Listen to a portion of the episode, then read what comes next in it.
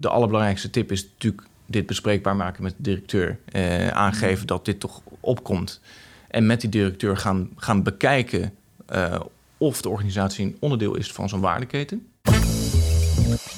Ik ben Joost Kokje, advocaat en junior partner bij Wieringa Advocaten en je luistert naar de HR-podcast.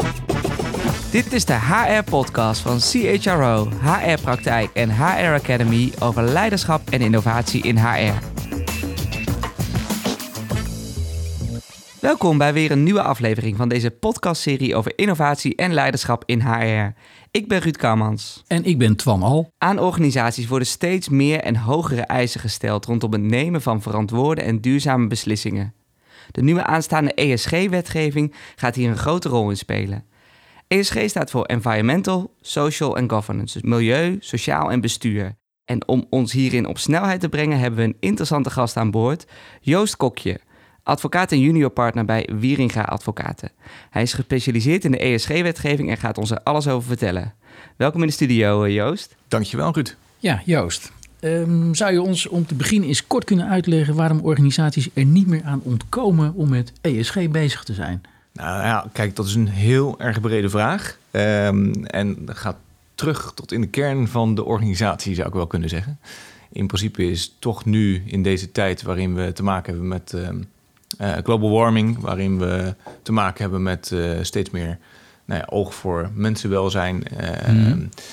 Ja, ontkomen we er eigenlijk niet meer aan om te na te denken over duurzaamheid in de breedste zin des woords. En nu zie je dat vanuit Europa er steeds meer richtlijnen komen, wetgeving komt. En dat mhm. er veel wordt nagedacht over hoe wij, wij als nou ja, voortrekkers toch wel ervoor kunnen zorgen dat we de klimaatdoelen halen. Ehm, dat wij nou, socialer gaan ondernemen. Um, en dat wij dat dus ook voor de bedrijven uh, goed kunnen inregelen. Om concreet te zijn, mm -hmm. het gaat dan om de Corporate Sustainability Due Diligence Directive, uh, de CSDD. Mm -hmm. CSDD. Mm -hmm. ja. En de Corporate Sustainability Reporting Directive, de CSRD. Dat zijn eigenlijk de twee, laten we zeggen, meest interessante richtlijnen nu waar wij naar kijken. In het kort uitgelegd gaat de eerste richtlijn, dus het due diligence uh, aspect, gaat erover dat zometeen bedrijven uh, onderzoek doen naar hoe de bedrijfsvoering in elkaar zit. Mm -hmm. uh, dus dan moeten ze gaan onderzoeken, identificeren uh, en een plan van aanpak gaan maken. Mm -hmm. Even platgeslagen allemaal. Hè?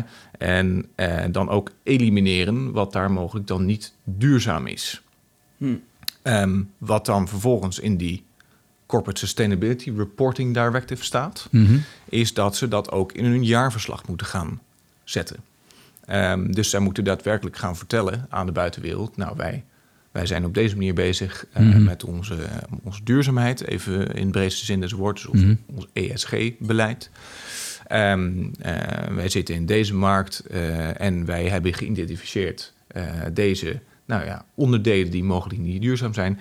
En dat komt er ook nog concreet bij. We hebben dit als plan om het op te lossen. Ja.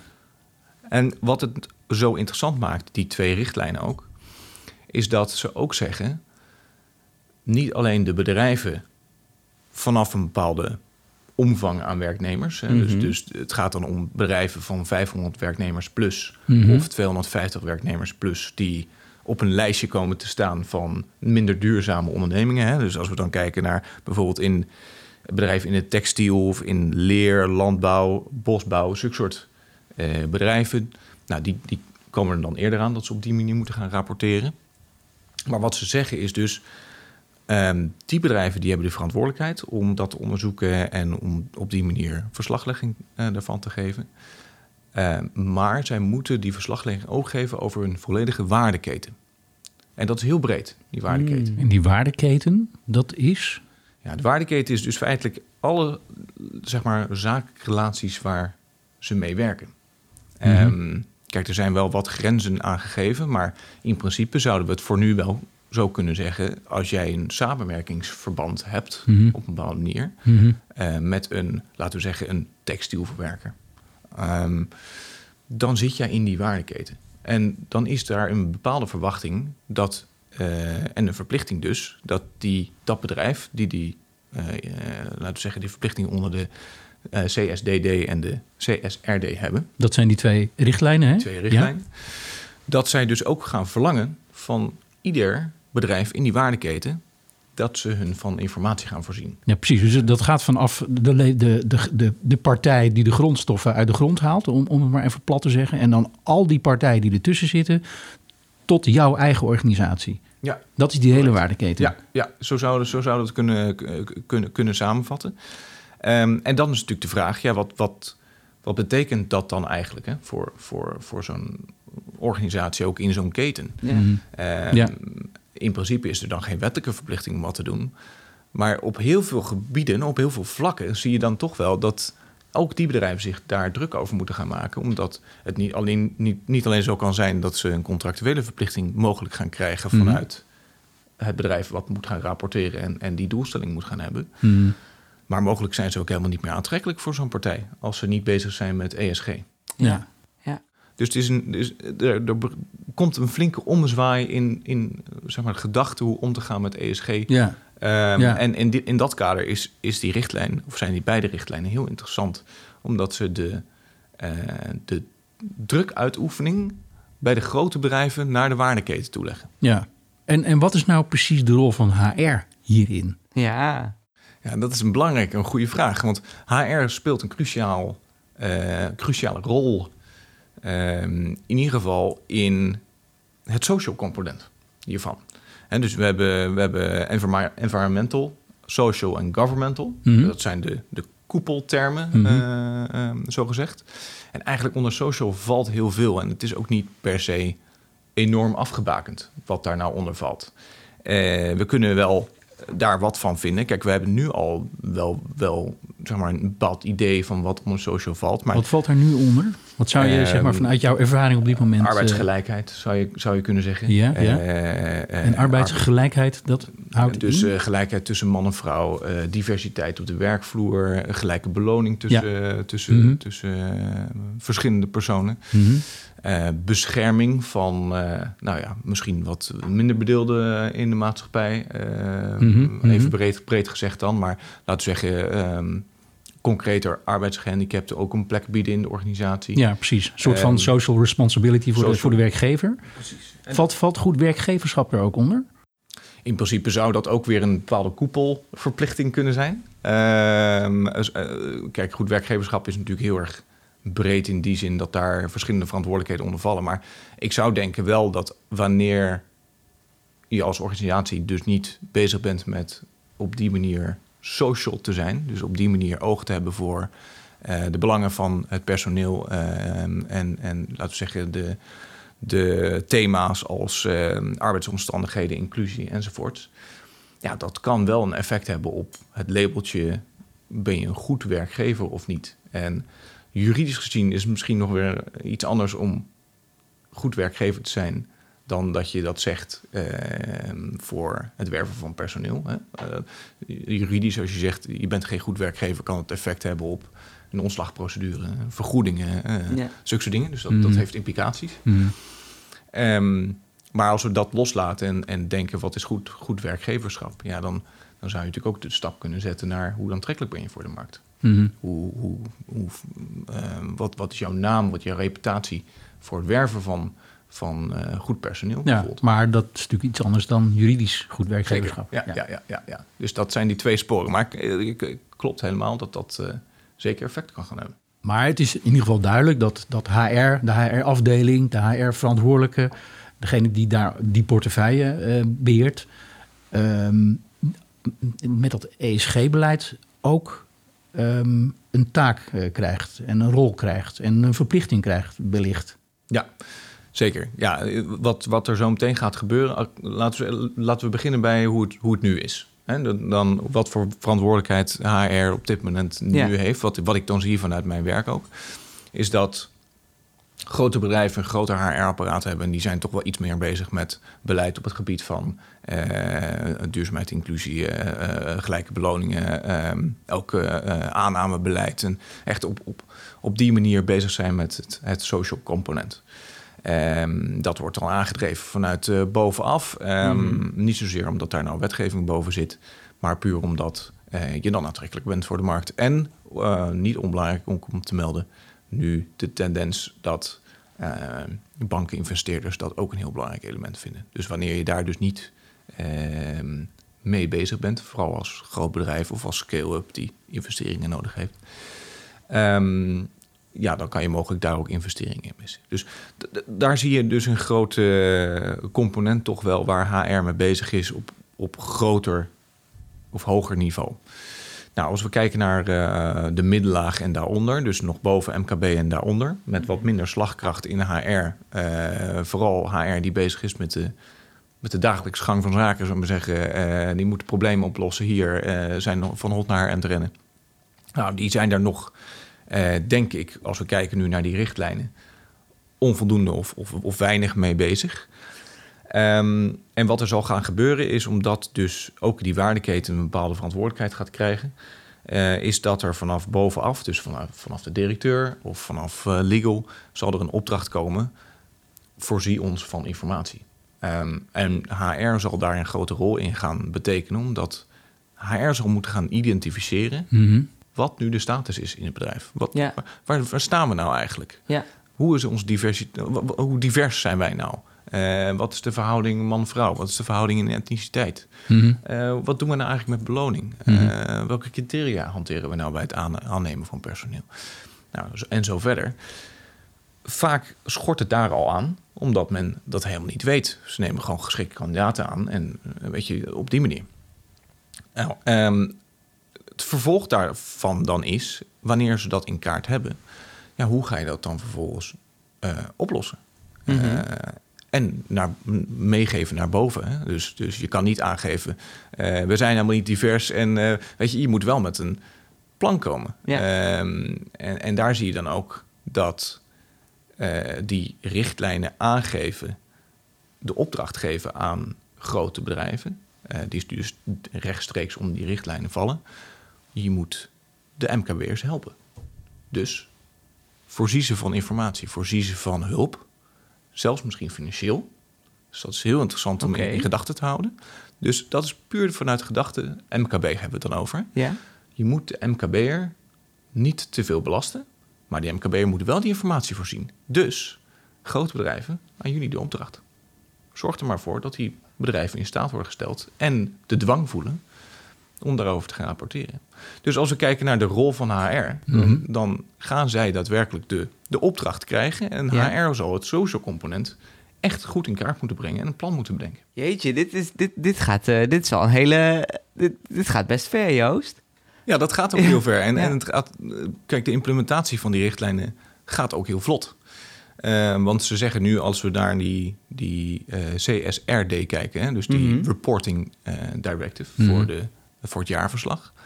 Wordt er nu al gezegd dat die grote bedrijven uh, moeten gaan rapporteren over 2024. Zo. 2025 mm -hmm. wordt het dan mhm. ingevoerd, maar ze moeten dan mm -hmm. gaan rapporteren over 2024. Ja, ja, precies. Dus dat betekent dat je nu al bezig moet zijn met je duurzaamheidsbeleid en je ESG-beleid. Joost, ik zou met je willen praten over de implementatie van, de, van, van dit ESG-beleid en dan vooral de social component. Welke veel voorkomende uitdagingen komen organisaties tegen rondom social? En hoe kunnen die het beste worden aangepakt? Ik denk dat dat op verschillende vlakken uh, speelt. Het is ook afhankelijk van hoe groot de onderneming is. Maar laten we zeggen dat we een, een middelgrote onderneming uh, pakken. 200 mm -hmm. uh, werknemers, heeft twee, twee à drietal HR in dienst. Zijn druk bezig met een organisatie. dan wat, wat ik in ieder geval ervaar, is dat ze wel willen. Uh, vaak de slagkracht niet krijgen en aanlopen tegen begrenzingen vanuit uh, de, de directeur, de board, die daar toch het belang mogelijk niet helemaal van inziet. Ja. Uh, dus zeg maar, de uitdaging is om sowieso al voor HR die nou, de vrijheid te voelen of de, de, de, de fiat te krijgen om, om hier gerichter mee bezig te zijn. Dus, dus daadwerkelijk capaciteit vrijmaken om te identificeren, uh, wat, ik, wat ik net al noemde. Dan is het ook nog een, een ja, laten we zeggen, een, een uitdaging voor HR om nou te constateren van ja, wat, wat, wat maakt, wat is nou dat social? Wat, waar moeten we dan eigenlijk op letten? Welke componenten, welk lijstje moeten we nou, mhm. moeten we nou aantikken? Is het dan een check in de box of hoe moeten we dat dan doen? Ja, dat is natuurlijk Ik ben een jurist, dus een eenduidig antwoord, dat is altijd ingewikkeld. maar kijk, je ziet vanuit Europa ehm, wel dat dat concreter wordt gemaakt. Kijk, als we het erover hebben waar HR dan naar moet kijken wat die verplichtingen dan zijn. Hè? Mhm. dus, dus, dus dan hebben we het weer over, uh, over dat voorbeeld van die twee, uh, 200 uh, werknemers, Ja. die zo'n soort organisatie. Nou, die, die, die druk komt van bovenaf zo meteen van het grotere bedrijf in de waardeketen. Dat Mhm. grotere bedrijf zal gaan aangeven, eh, op basis van die ESG-wetgeving, eh, hebben wij eh, te rapporteren over verschillende onderdelen. Die staan dan opgesomd in die ESG-wetgeving of aanhangende eh, richtlijnen. Mhm. Eh, met, eh, met een aantal punten eh, waar je dan naar moet kijken. Eh, dus wij willen heel graag dat je rapporteert over onder andere diversiteit. Hoe ziet Ja. dat er bij jou uit in de Ja. organisatie? Ja. Eh, dan willen we dat je, dat je rapporteert en over, ehm, eh, nou ja, laten we zeggen, de, de, de, de, de diversiteit aan de top of het beloningsbeleid wat je daar eh, hanteert. Mhm, mhm. Uh, over naleving van wetgeving op het gebied van arbeidsomstandigheden. Uh, wat voor werktijden hanteer je? Uh, hoeveel wordt er overgewerkt? hoeveel vrijheid geef je je personeel om thuis te werken? Dat kan best ver gaan. Het, het, is niet in beton gegoten in die zin hoe ver de verplichting is om in detail te gaan over die, over die social omstandigheden. Mm -hmm. Het zal meer afhangen van wat dus het grotere bedrijf aangeeft belangrijk te vinden um, aan beleid wat er is. En uh, als er dus wordt geïdentificeerd, hè, want dat, dat zal uh, HR moeten gaan doen, dat er moeilijke of misschien minder social componenten in het bedrijf zijn, Ja. dan zal daar de opdracht liggen voor HR om mee bezig te zijn en dat, dat aan te passen en, en op te pakken. Hey, en nu komt er dus als HR-professional, komt dit op je af? Um, we hebben het over HR-professionals gehad in kleine organisaties, in middelgrote organisaties, in grote organisaties. Hoe, wat zijn jouw tips aan die verschillende HR-professionals om je hierop voor te bereiden, op wat er op ze af gaat komen? Ja, ja dat, dat vereist uh, per categorie inderdaad een andere uh, denkwijze ja. of een andere strategie. Mm -hmm. Laten we beginnen bij de enige HR in een klein bedrijf, mm -hmm. uh, zo gezegd. Ik denk dan dat de allerbelangrijkste tip is natuurlijk dit bespreekbaar maken met de directeur. Uh, aangeven mm. dat dit toch opkomt. En met die directeur gaan, gaan bekijken of de organisatie een onderdeel is van zo'n waardeketen. Dus ja, ja. Wat, wat zijn die, waar, waar leven ze dan aan Ja. en wat, wat voor diensten verlenen ze dan? Mhm, mhm. Dus om te kijken of zij daar ook een bepaalde uh, verplichting in kunnen gaan hebben. Mhm. En dan zou mijn tip zijn om te kijken waar het laagvangend fruit is. Dus als HR even kijken van, nou ja, weet je, wat, wat voor beleid hanteren we nou eigenlijk om ervoor te zorgen dat we wat, wat diverse personeel uh, hebben? Of, of wat, voor, wat voor kansen bieden we nou intern voor promoties? Mhm. Um, Mhm. um, en en hoe, hoe, hoe zit het met onze arbeidsgelijkheid? Dus daar wat gerichter over bezig zijn en dat opschrijven. Ja, Uh, een jurist in mij zegt altijd en opschrijven, want dan kan betekenen dat je natuurlijk later wel kan aangeven uh, in die waardeketen. Nou, we zijn er toch wel bij bezig geweest. Ik denk, dus dat is zeg maar meest laagdrempelig en dat kost tijd en energie. Maar dat kost wel minder Mhm. tijd en energie dan de stapjes omhoog. Hè? Dus, dus, dus dan als we kijken naar de middelgrote bedrijven, dus met een aantal HR-mensen. Nou, in principe geldt daarbij hetzelfde, maar een verdergaande plicht vervolgens om er ook wat mee te doen om daadwerkelijk te gaan implementeren. En, en meer te kijken ook naar wat verwacht. Um, wat wordt van mij verwacht uh, op Europees niveau. En eigenlijk zou, zou ik toch denken dat het streven van zulke soort bedrijven ook zou moeten zijn. Om te kijken naar die Europese wetgeving. Om te zien of ze zelfstandig eraan kunnen voldoen. Mm. Ja. Want dan ben je helemaal compliant. Mhm. En het is, Ja, dus- ja, ja. het is geen in die zin rocket science. Het is eh, nog, vooralsnog vaag, maar het zou wel zo moeten zijn zometeen dat, dat je concreet kan kijken wat, wat ben ik nou voor organisatie, waar sta ik nou precies in de markt. Dat vergt tijd en moeite en energie om Mhm. dat voor elkaar te krijgen. En dan een plan te gaan maken hoe op zijn minst op bepaalde thema's die je van belang vindt, eh, meer een social beleid te voeren.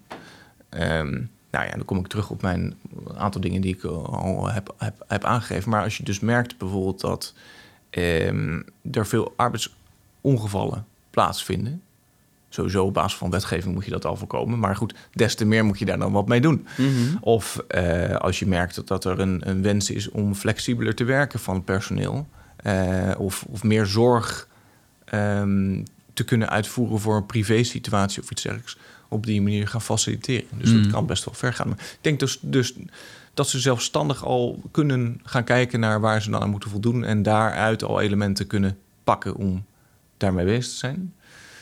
Ja, en de grote bedrijven die moeten gewoon volle- volledig voldoen natuurlijk. Dus die, die, Nee. die, die kunnen, ontkomen er niet meer aan om nu al mee bezig te zijn met het hele ESG-beleid, waaronder social en het, grote HR-apparaat. En zal daar gericht mee bezig zijn. Ik, ik hoorde ook in een andere eh, podcast, wat, wat ik hierover aan het luisteren ben, want ik ben natuurlijk veel bezig met dit onderwerp.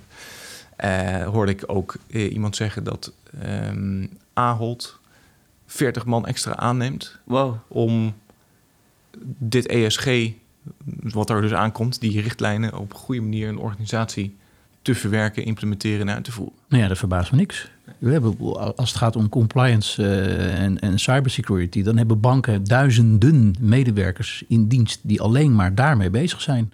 Dat gaat dus met ESG-beleid eh, dezelfde kant op.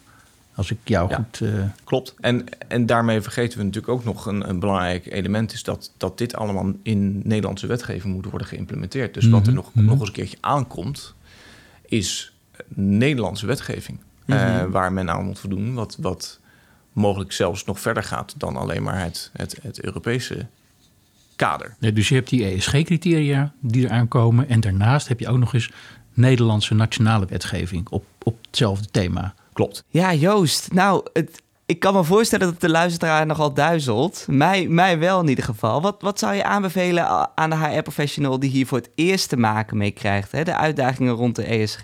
Ja, de allereerste tip is uiteraard om eh, naar eh, de masterclass te komen die, eh, die we organiseren Mhm. bij HR Academy.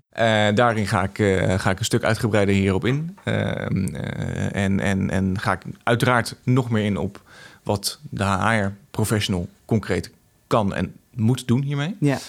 Eh, en voor nu zou ik zeggen, eh, de belangrijkste tip is dit in ieder geval bespreekbaar maken met de directeur. ehm, Hmm. En met legal, voor zover dat in de organisatie aanwezig is. Mhm. Dus erop wijzen dat dit wel impact gaat hebben. ja. Dat dit een thema is dat natuurlijk niet alleen maar gaat over het social component, maar de E en de G moeten we niet vergeten. Ja. Dus dat maakt het ook nog extra interessant dan voor de directeur en, eh, en, en legal.